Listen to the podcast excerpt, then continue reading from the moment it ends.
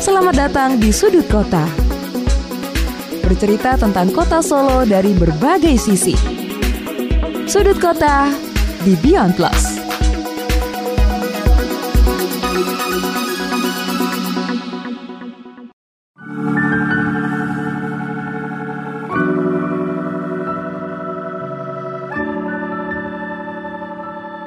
Hai, halo, saya Senja Kurnia, tuan rumah dari Sudut Kota. Halo, kita sudah masuk di episode ketiga dan seperti biasa Sudut Kota menghadirkan cerita-cerita tentang kota Solo. Setelah yang pertama adalah episode perkenalan, kemudian yang kedua tentang predikat Solo sebagai kota ternyaman. Nah, kali ini yang tidak kalah menarik ya, ini juga sebagai sebutan dan bisa dibilang apa ya trademark gitu ya di kota Solo bahwa kota Solo ini dianggap kota dengan biaya hidup yang murah. Kira-kira benar-benar murah atau enggak ya? Atau memang cuma sebagai sebutan saja? Nah, kita akan bahas di episode ketiga kali ini. Tapi Senja Kurnia di sini nggak sendirian nih, karena sudah ada Fahrizal Alhamdani yang di sini akan menemani kita sebagai tamu ya di sudut kota di Beyond Plus untuk episode ketiga. Halo Rizal. Halo, siang Senja. Oke, dan ini terima kasih loh ya sudah meluangkan Yes. waktunya Mhm. untuk mampir di sudut kota dan kita akan ngobrol-ngobrol seputar biaya hidup. Nah, disclaimer Oke, dulu nih. siap. Jadi eh, karena banyak juga gitu ya yang Mhm. eh, bertanya gitu kira-kira emang bener gak sih di Solo itu adalah kota yang murah kalau kita kaitkan dengan murah kan tentunya ini eh, berhubungan dengan biaya hidup ya. Betul, betul. Hmm, biasanya nih bagi fresh graduate yang baru merasakan gajian awal-awal, jadi Mhm. baru uh, kerja pertama gitu kan biasanya agak uh, picky gitu ya, Hmm. apa antara self reward dengan saving gitu. Padahal tuh kadang nggak kerasa self reward atas nama self reward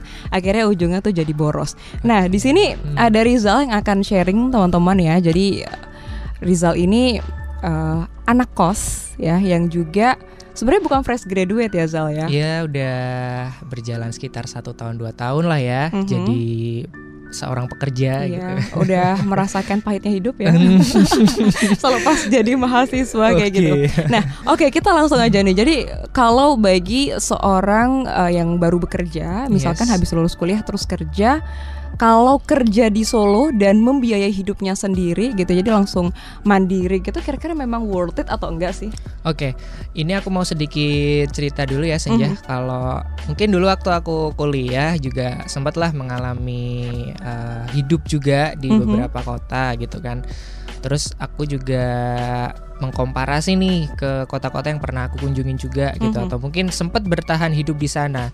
Dulu tuh sempat di sidoarjo, Mhm. terus juga di Jakarta gitu. Nah dua dua dua kota ini kan sebenarnya besar. Sidoarjo ini kan bisa dibilang besar karena memang dekat dengan Surabaya ya nggak Iya. beda jauh lah Mhm. ya kayak gitu.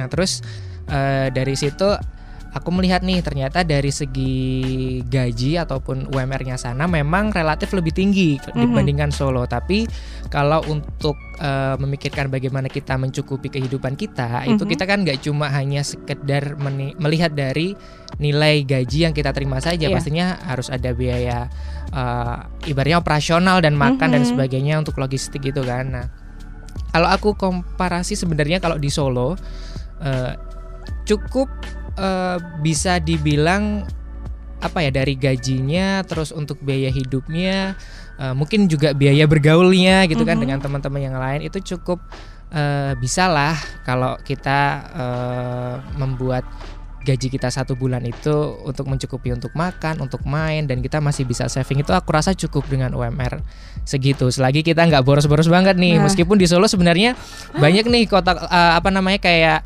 tempat-tempat main yang Mhm. relatif lebih mahal kayak gitu. Cuma memang harus bijak-bijak mengatur keuangan aja. Kapan kita harus main ke tempat yang mahal dan eh, kapan kita harus uh, main ke tempat yang rada-rada murah dan Mhm. di sini sangat terbantu banget karena di sini banyak sekali angkringan yang itu memang sangat uh, membantu sekali Iya, itu anak gitu kos kan. banget ya. Mm-mm, bener banget kayak gitu sih. Oke, jadi kalau misalnya ada yang menyebut uh, Solo sebagai kota dengan biaya hidup uh, termurah, Hmm. berarti ya kita sama-sama setuju. Tapi kembali lagi ke bagaimana kita uh, gaya hidupnya tuh seperti apa gitu ya? Betul, bagaimana cara kita nge-manage pendapatan kita gitu Mhm. kan? Karena em, apa ya?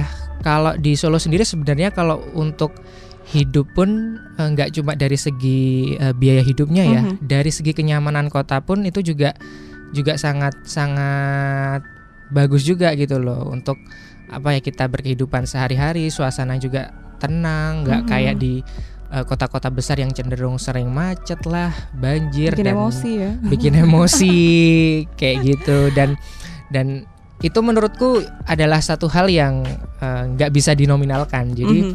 jadi memang eh, keseimbangan itu antara pendapatan kita setiap bulan sebagai pekerja, kenyamanan hidup eh, sehari-hari, bergaul dan sebagainya. Ya alhamdulillah kalau untuk eh, gaji di Solo ini ya bisa dibilang cukup gitu. Oke, jadi untuk kalau sekarang istilahnya tuh kayak work life balance gitu ya, dapat gitu ya. Work life balance-nya di Solo tuh dapat oke. gitu. Nah, mungkin ya eh, banyak kan yang eh, karena tahu Solo sebagai kota yang nyaman, kota yang murah, akhirnya kan banyak yang akhirnya kuliah di Solo. Hmm. Itulah akhirnya mengapa kalau kita ingat ya sejak eh, Pak Jokowi jadi presiden kan Solo terbranding dengan sangat amat Yes, baik gitu ya. ah, Yang akhirnya betul. juga eh, kampus-kampus di Solo tuh jadi lebih banyak peminatnya itu salah Iya. satunya juga. Tapi di sini kan kita harus bedakan. Jadi kalau anak kuliah yang ngekos gitu yang merantau dalam artian kan masih banyak yang mendapat kiriman dari orang tua. Jadi Hmm. hanya sebatas baru sebatas memanage. Walaupun juga banyak ya yang akhirnya Iya. sudah uh, apa namanya part time untuk ikutan uh, dapat side job gitu Hmm, untuk lebih ngisi-ngisi. hmm. Tapi berbeda halnya kalau memang sudah lulus dan akhirnya uh, kerja di Solo untuk uh, bisa mandiri secara finansial gitu. Mm-mm. Kalau misalkan katakan lagi nih kan eh, banyak juga yang bilang ya Solo sih murah soalnya UMR-nya juga murah, gitu. Iya. UMR-nya juga rendah gitu. Kalau tadi Rizal juga sempat bilang sidoarjo tinggi karena memang Surabaya ya kita Mm-mm. tahu seperti apa di sana. Tapi ya tadi itu kembali lagi ke biaya hidupnya juga ya sama gitu. Sama, Jadi emang hmm. sebenarnya kembali lagi. Kalau misalnya nih fresh graduate gitu ya. Kalau kita lihat ya kayak di internal kita aja nih di Solo Post Yes, Group itu kan ha. banyak yang eh, nggak dari kota Solo jadi dari kabupaten-kabupaten di sekitarnya. Hmm. Sama juga seperti Rizal ya. Hmm. Di sini juga Rizal ngekos. ngekos.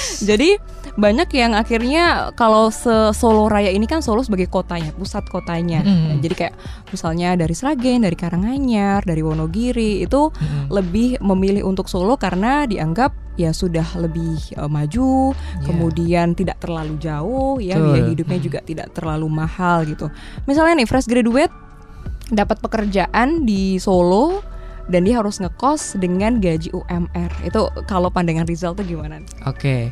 Jadi kalau aku kebayangin dulu waktu fresh graduate ya, Mhm. terus bayangkan untuk kerja di Solo dengan gaji UMR, dengan harus ngekos Mhm. gitu kan. Aku rasa memang secara pendapatan itu bisa dibilang cukup gitu Mhm. kan. Cuma kalau misalkan kita mau saving lebih banyak itu rada susah.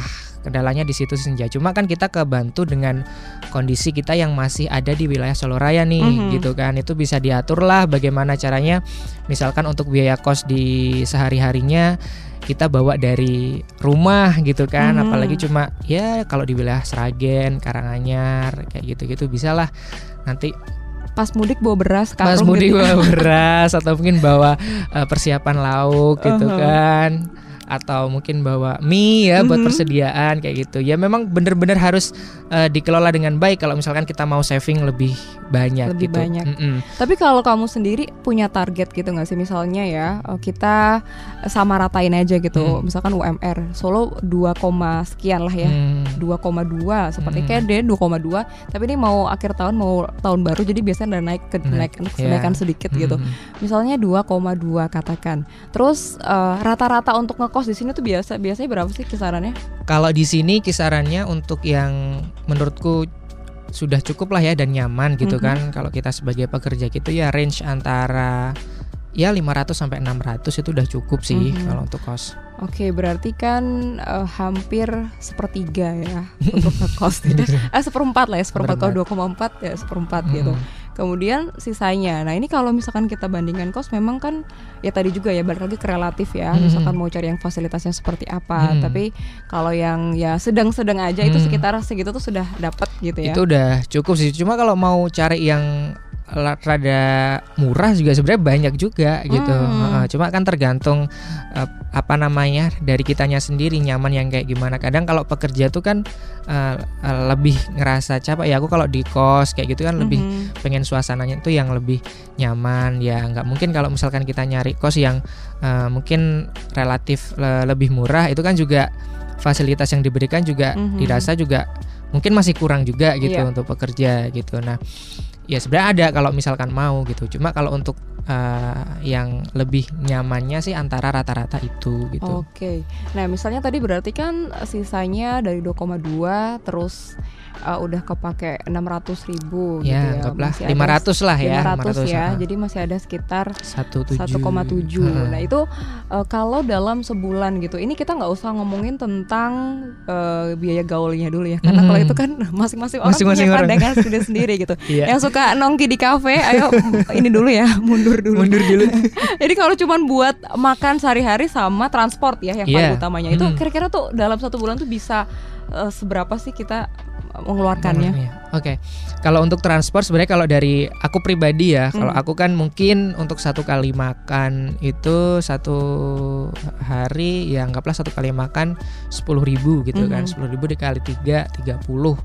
Ya kalau untuk transport sebenarnya karena kebetulan kos juga dekat sama kantor, Mhm. jadi untuk biaya pengeluaran transportasi itu nggak baik ya paling sepuluh ribu tuh bisa dipakai buat dua hari, tapi anggaplah anggaplah kalau misalkan teman-teman yang rada jauh dari tempat kerjanya anggaplah satu kali berangkat eh, untuk eh, transport ke tempat kerja itu 10 ya katakanlah 40 gitu kan ya tinggal dikali aja misalkan 40 dikali misalkan 26 hari ya 6 Mhm. hari kerja gitu berapa tuh ketemunya Berarti ya sekitar satu sekian lah ya, ya sekian. anggaplah eh, untuk makan tuh ya rata eh, naik turunnya sekitar satu juta deh kayak gitu kan untuk makan sama transportnya Mhm. gitu tuh terus eh, ini udah masuk biaya yang lain-lain nggak kayak misalkan iya. kan kayak ada biaya buat eh, telekomunikasi Mhm, gitu kan Beli kuota ya.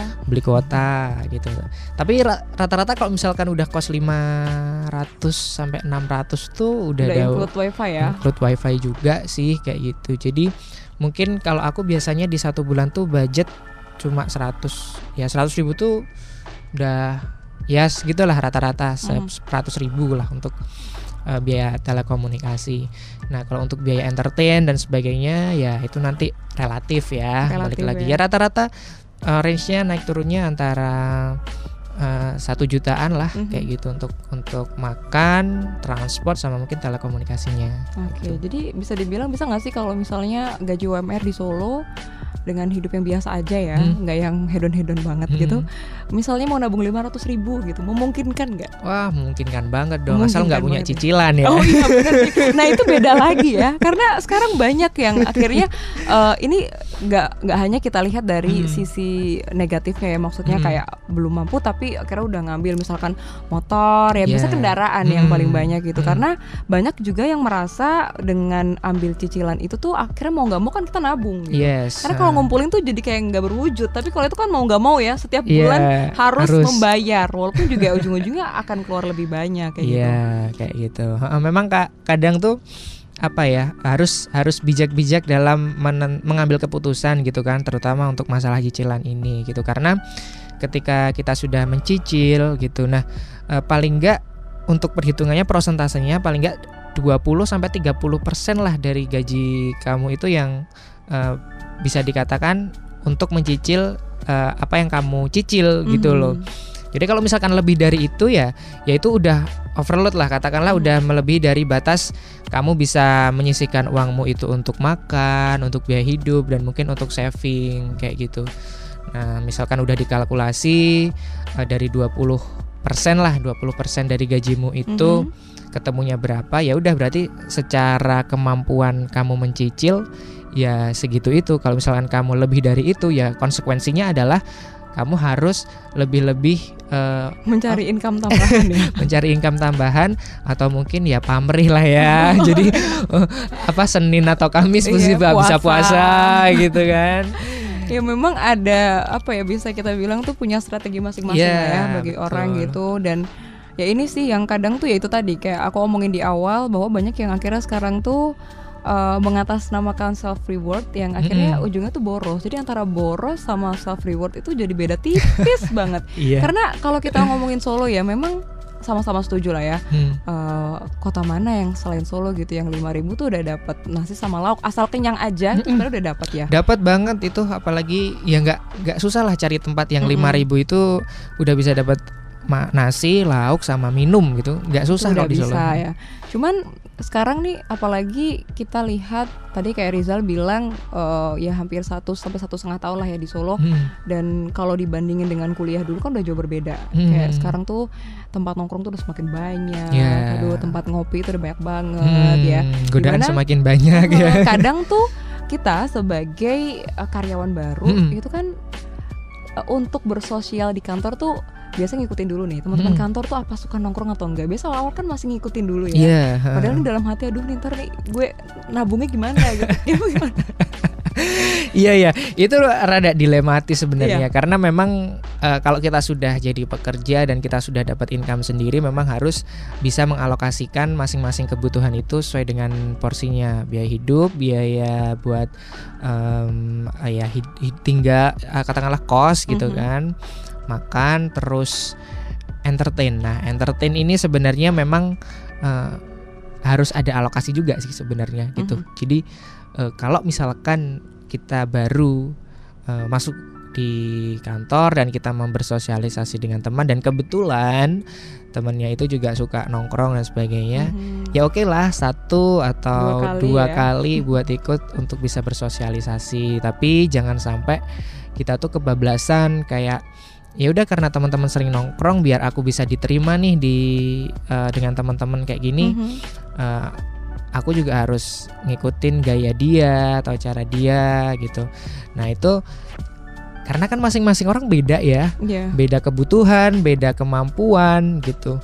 Jadi sela- selagi kita masih ada budget yang bisa kita sisihkan untuk eh, ikut Mhm. main atau ya untuk mengentertain diri kita ya nggak masalah gitu. Tapi kalau memang dirasa itu sudah eh, sampai batas apa ya budget kita Mhm. untuk bisa nongkrong atau main ya udah nggak ada salahnya juga kok gitu kan buat kita menolak untuk Mhm. ajakan itu toh kita juga nggak selalu menolak tapi kita juga tahulah posisi kita kayak gimana mam pada saat itu mampu atau enggak gitu kalau misalkan mampu ya oke oke aja kalau misalkan enggak ya langkah lebih baik dialokasikan untuk hal-hal yang lebih urgent kayak gitu Mhm. Karena memang kalau semakin dewasa juga kalau sudah semakin lumrah ya ketika kita nolak tuh dengan alasan yang jujur gitu ya emang lagi nggak punya duit nih lagi Iya. kebutuhannya banyak atau juga eh, nggak pada mau nanggung kebutuhan kita kan iya betul betul Oke, betul. jadi memang kalau uh, seni mengatur keuangan ini uh, jadi satu apa ya hal yang kita pelajari terus menerus Hmm, gitu. Apalagi hmm. nih ya, misalnya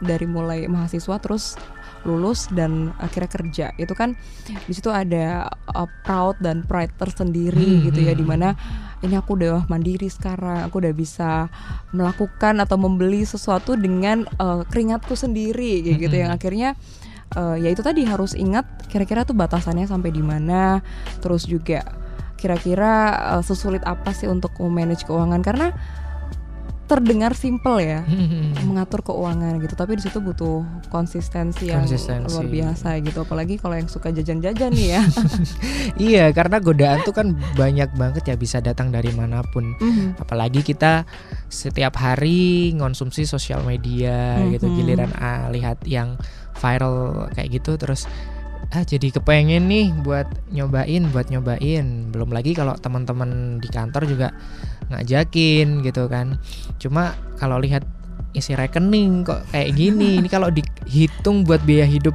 sisa hari nunggu hari gajian aja kayaknya nggak nggak cukup nih. Hmm, kayak tanggal gitu 27 kan. masih lama ya. eh kalau di kita tanggal 27 gajian ya. Iya, itu tanggal 7 lama banget gitu kan. Ya, ya kayak gitu. Jadi memang eh, ada kalanya misalkan teman-teman di bulan ini teman-teman bisa saving katakanlah lebih banyak ya misalkan 500 ataupun 700 kalau nggak ada cicilan gitu kan kalau misalkan teman-teman eh, ingin melakukan self reward yang mana itu untuk mem- membuat apa ya intinya membuat kita lebih bisa eh, seneng lagi bisa Iya, semangat lagi untuk ya. kerja kayak gitu ya carilah self reward yang sesuai dengan budget eh, masing-masing selagi itu nggak nggak apa ya melebihi dari budget kalian untuk mengentertain diri kalian sendiri jadi Iya. memang harus dibagi-bagi saja Hmm. jadi em, ya kayak di kotak-kotakin gitulah Iya, apa kalian nih misalnya langganan Netflix gitu itu juga biaya entertain ya. Iya, bisa masuk. Kalian udah anu nih budgetnya 200 apa 300 buat entertain ya. 100-nya buat Netflix ya udah tinggal 200 gitu. Iya, karena kembali lagi kalau kita mengikuti keinginan itu nggak ada habisnya. Nggak ada habisnya. nggak ada habisnya.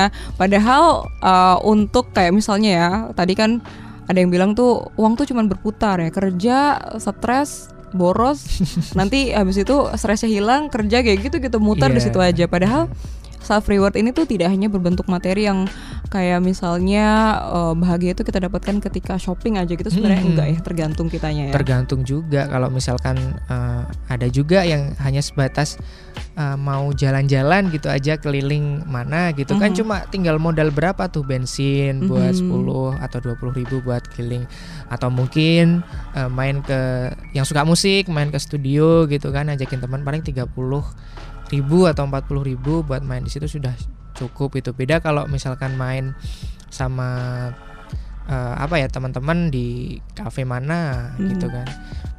Kan nggak mungkin dong beli minum aja gitu. Pasti kan beli makan Iya, atau beli bener. camilan. Sementara kalau di tempat nongkrong-nongkrong yang secara harga relatif lebih malu udah kelihatan tuh 100 ribu untuk berapa jam gitu kan. Ya. Itu nggak kerasa ya tiba-tiba udah tinggal tipis gitu Dan kalau bisa dibilang ini berbeda lagi ya. Kalau misalkan nih sobat solpus yang punya pasangan gitu terus Hmm. ada waktu-waktu tertentu yang bayarin pacar yang neraktir neraktir itu beda Ini- lagi ya ini yang susah yang cowok kalau kayak gini nih Nah itu tuh cowok terus fresh graduate baru kerja mau sosialisasi di kota orang lagi Iya. ya Itu kayaknya mesti Makanya banyak yang akhirnya nunda dulu deh Supaya bisa duitnya Iya. kekumpul dulu gitu Betul. Jadi eh, dilemanya cowok tuh gitu. Dia harus terlihatan wah aku bisa nih nyenengin pacarku. Mau jajan apa aja, hayu lah. Mau makan apa, hayu lah gitu. Tapi giliran lihat rekening kok nggak nyampe gitu. Mhm. Ujung-ujungnya akhirnya pinjam temen dong buat ini apalah dalihnya buat bayar apa padahal kan buat traktir ceweknya kayak gitu. Nah, sebenarnya hal itu tuh ya satu kali dua kali mungkin ya wajar lah ya cuma Iya. kalau itu terlalu dilakukan s- terlalu sering itu sebenarnya juga nggak nggak baik juga untuk eh, masalah apa ya mengatur finansial kita atau mengatur keuangan kita gitu karena kita menjadi ketergantungan nih setiap Iya setiap eh, uang habis aku eh, ada ada ada semacam apa ya eh, keinginan untuk ya udah pokoknya ini aku harus bisa merealisasikan terlepas dari aku punya uang atau enggak ya udah aku bergantung ke temanku nih selagi bisa Mhm. dipinjemin gitu Nah. nah itu kan akan menjadi habit yang mana kita nggak bisa nih buat saving ataupun nabung kayak gitu jadi buat para cowok-cowok nih harus lebih anu ya hati-hati Ini kamu terhadap berpesan ya. dengan dirimu sendiri sepertinya Jadi kalau ceweknya minta reko-reko ya mungkin bisa dicarikan alternatif lain. Nggak usah ke sini dong, yuk ke sini Iya, aja yang sudah lebih gitu ya, murah gitu. pinter-pinternya aja Iya. ya. iya, karena ya itu tadi ya, eh, selain dengan eh, masalahnya masing-masing gitu dengan kondisinya masing-masing, Hmm. terus juga biasanya kalau baru pertama-tama kerja nih satu tahun, dua tahun, tiga tahun awal tuh merasa tuh ya tadi ya karena bisa mengeluarkan uang sendiri, lebih Hmm. bertanggung jawab nih. Hmm. Karena ini gue beli pakai duit gue sendiri. Akhirnya taraf hidup tuh meningkat. Iya. Misalnya kalau pas zaman eh, kuliah masih dikirimin uang, Mm-mm. kalau beli baju yang biasa aja ini jadi pengen beli baju ah masa iya sih udah bisa nyari duit nggak bisa nyenengin diri sendiri akhirnya beli yang branded Iya. ya itulah hal-hal yang akhirnya nggak kerasa tapi lama-lama tuh mengubah eh, pribadi kita ya. Pribadi, Akhirnya ya. jadi kayak gengsi untuk beli yang biasa. Padahal dulu juga nggak apa-apa gitu Nggak beli yang biasa aja. Dulu waktu kuliah aja dibela-belain ngirit loh beli Iya. baju aja nunggu lebaran dulu Iya. gitu kan.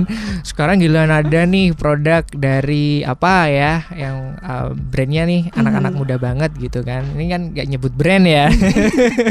Eh ikutan gitu oh ya. gitu. Terus wah iya bagus juga ya, bagus Mhm. juga ya. Ya udah yuk main ya. Terus di sana ya namanya orang jualan pasti dengan berbagai macam strategi pasti ada promo apalah dan Mhm. segala macam. Akhirnya kita tertarik di situ. Lemah lah kita. Akhirnya Aha, emang bener-bener lemah tuh ya di hadapan duit tuh duit emang bener-bener bikin kita jadi kadang tuh hilafnya tuh hilaf sebenarnya sadar gitu ya. sadar sebenarnya tuh sadar dia tuh sebenarnya nggak punya duit tuh udah nipis tapi ya gimana ya udah deh nggak apa-apa nanti Hmm. eh, duit bisa dicari Iya, nah itu, ya tuh. susahnya gitu ah, banyak orang berpegangan ini hidup hanya sekali duit bisa dicari gitu. duit bisa dicari tapi kalau dihabisin mulu ya kapan nabungnya gitu Iya, kan. tiba-tiba ntar usia udah nambah ya, wah belum punya tabungan, akhirnya merembet lagi karena memang eh, semacam ini kan kita seperti eh, berperang melawan diri kita sendiri. ya. Mm-mm, Itu gitu. yang lebih susah gitu, Susah. karena kontrolnya tuh ada di kita juga nih teman-teman. Oke, nah ini kalau bisa kita simpulkan itu udah 24 menit ya udah lama Hmm, banget. udah lama nih kita Menurut Rizal nih worth it Hmm. atau enggak sih untuk uh, kerja di Solo dari luar yang mana masih harus ngekos terus juga hidup mandiri. Oke, kalau dari sudut pandangku ya karena aku kalau bekerja itu memperhatikan work life balance, Hmm. jadi semuanya itu harus seimbang. Bagaimana aku menikmati pekerjaan, menikmati kehidupanku di luar, bersosialisasi dan lingkungan di sekitarku, menurutku sangat worth it banget gitu loh. Kalau di Solo itu dibandingkan dengan beberapa kota yang aku sempat tinggal di sana juga gitu, karena dengan gaji yang bisa dibilang memang nggak nggak nggak banyak sih kalau di, dibandingkan dengan daerah lain. Cuma kalau dikalkulasi untuk hidup bah sebenarnya hampir sama gitu loh. Untuk daya buat kita saving tuh sebenarnya hampir sama gitu. Jadi ya sebenarnya nggak ada bedanya. Cuma ya mungkin secara nominal atau mungkin yang eh, diterima di kita relatif lebih kecil tapi kalau misalkan kita eh, pakai untuk berkehidupan sehari-hari aku rasa ya sebenarnya nggak jauh beda lah dengan teman-teman yang ada di luar Solo yang kota-kota Mhm. besar kayak gitu Baik, jadi uh, ini juga untuk teman-teman yang misalnya nih sekarang masih kuliah, udah mau lulus, terus berpikir kira-kira kalau di Solo tuh worth it atau enggak bisa enggak ya untuk nabung? Bisa ya. bisa bisa banget. Kalau ada misalkan semacam life hacknya gitu deh Hmm. supaya untuk pemula yang Hmm. baru tinggal di Solo yang tadinya masih dapat kiriman orang tua tapi ini Hmm. benar-benar langsung lepas harus bisa manage uang sendiri nih gimana nih Riza? Oke, anggaplah kita abis lulus itu bener-bener nol ya. Mhm. Kita kita bener-bener nol memulai kita harus belajar bener-bener mandiri nggak bergantung sama orang tua. Kalau misalkan di Solo, oke teman-teman bisa nih cari eh, kosan yang murah gitu katakanlah ya. Oke lah 300 itu udah cukup lah kalau untuk misalkan awalan ya. Nah itu bisa tuh cari eh, kos-kosan yang murah dan gak jauh dari tempat kerja. Lalu yang kedua, karena kita masih apa ya, secara pendapatan itu juga masih baru memulai gitu kan. Nah, alangkah baiknya teman-teman karena juga masih di wilayah Solo Raya ini eh, nggak apa-apa gitu loh bawa bawa persiapan dari rumah masing-masing gitu kan dan itu sangat membantu banget kalau misalkan kita sewaktu-waktu kepepet nggak ada uang nah itu mungkin adalah masih ada stok Subsidi ya, beras dari rumah ya. dari rumah masih ada makanan cepat saji atau Mhm. mungkin ada mie dan sebagainya nggak nggak masalah gitu terus em, kalau untuk biaya keseharian ya makan itu tadi bisalah diakalin dengan kayak gitu gitu dan juga ketika kita jajan ya nggak nggak nggak susah kok kalau di Solo tuh cari makan-makan yang sangat murah gitu kan. Di luar angkringan pun ada kadang ada juga gitu di warung-warung yang memang eh, menyediakan makanan pokwe ya istilahnya. Kalau di sini itu murah juga juga ada kayak gitu. Terus eh, untuk biaya entertain dan sebagainya kayak gitu juga kalau bisa dialokasikan sesuai eh, dengan kemampuan masing-masing seproporsional mungkin dan jangan sampai eh, apa ya itu terlalu berlebihan dengan batas yang udah kita tetapin gitu. Let's say misalkan eh, kita udah mengalokasikan 200 200 lah ya 200 untuk entertain kita gitu. Ya nggak masalah gitu itu itu di luar jajan sama teman-teman ya. Hmm. mungkin uh, di luar itu kita buat self reward kita 200 ya cukup lah gitu. Kalau misalkan udah terpakai berapa gitu ya memang udah harus di stop dulu lah. Berarti memang jatahnya harus em, di bulan depan. Kalau misalkan di bulan depan itu udah ada rencana udah planning besar nih mau ada kumpul sama teman-teman yang sekiranya ini budgetnya lebih banyak nih kayaknya nih gitu. Ya udah kita harus persiapkan dari bulan sebelumnya gitu. Jadi memang eh, pengeluaran untuk makan untuk entertain benar-benar ditekan dan nanti ketika eh, udah waktunya kita buat eh, acara gitu kan di bulan depannya itu kita sudah punya nih budget yang yang cukup. Dan pastikan kalau bisa setiap bulan itu ada uang yang ditabung gitu loh. Entah 200 ataupun 300 itu katakanlah uang uang uang aman lah ya uang dingin gitu. Dan itu bisa dijadikan dana darurat juga gitu. Karena kan sewaktu-waktu kita nggak nggak ngerti ya kalau Hmm. untuk kebutuhan mendesak itu. Jadi jangan semuanya serba-serba dipres dipepet.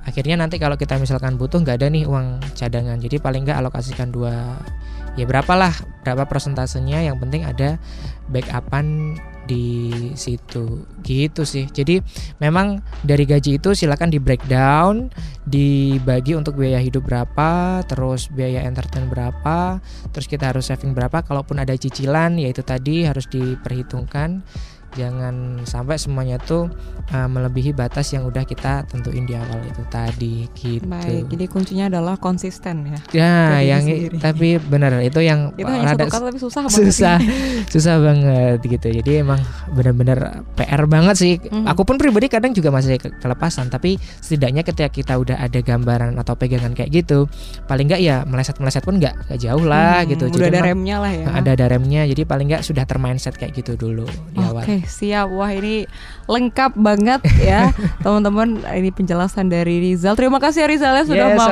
sama-sama Senja. Nanti kapan-kapan kita ngobrol-ngobrol tentang hal-hal yang lain oh lagi. boleh siap Baik teman-teman terima kasih yang sudah dengerin podcast Beyond Plus ya untuk sudut kota episode ketiga ini dan nantikan episode berikutnya dengan tema-tema menarik lainnya. Beyond Plus, tell the truth.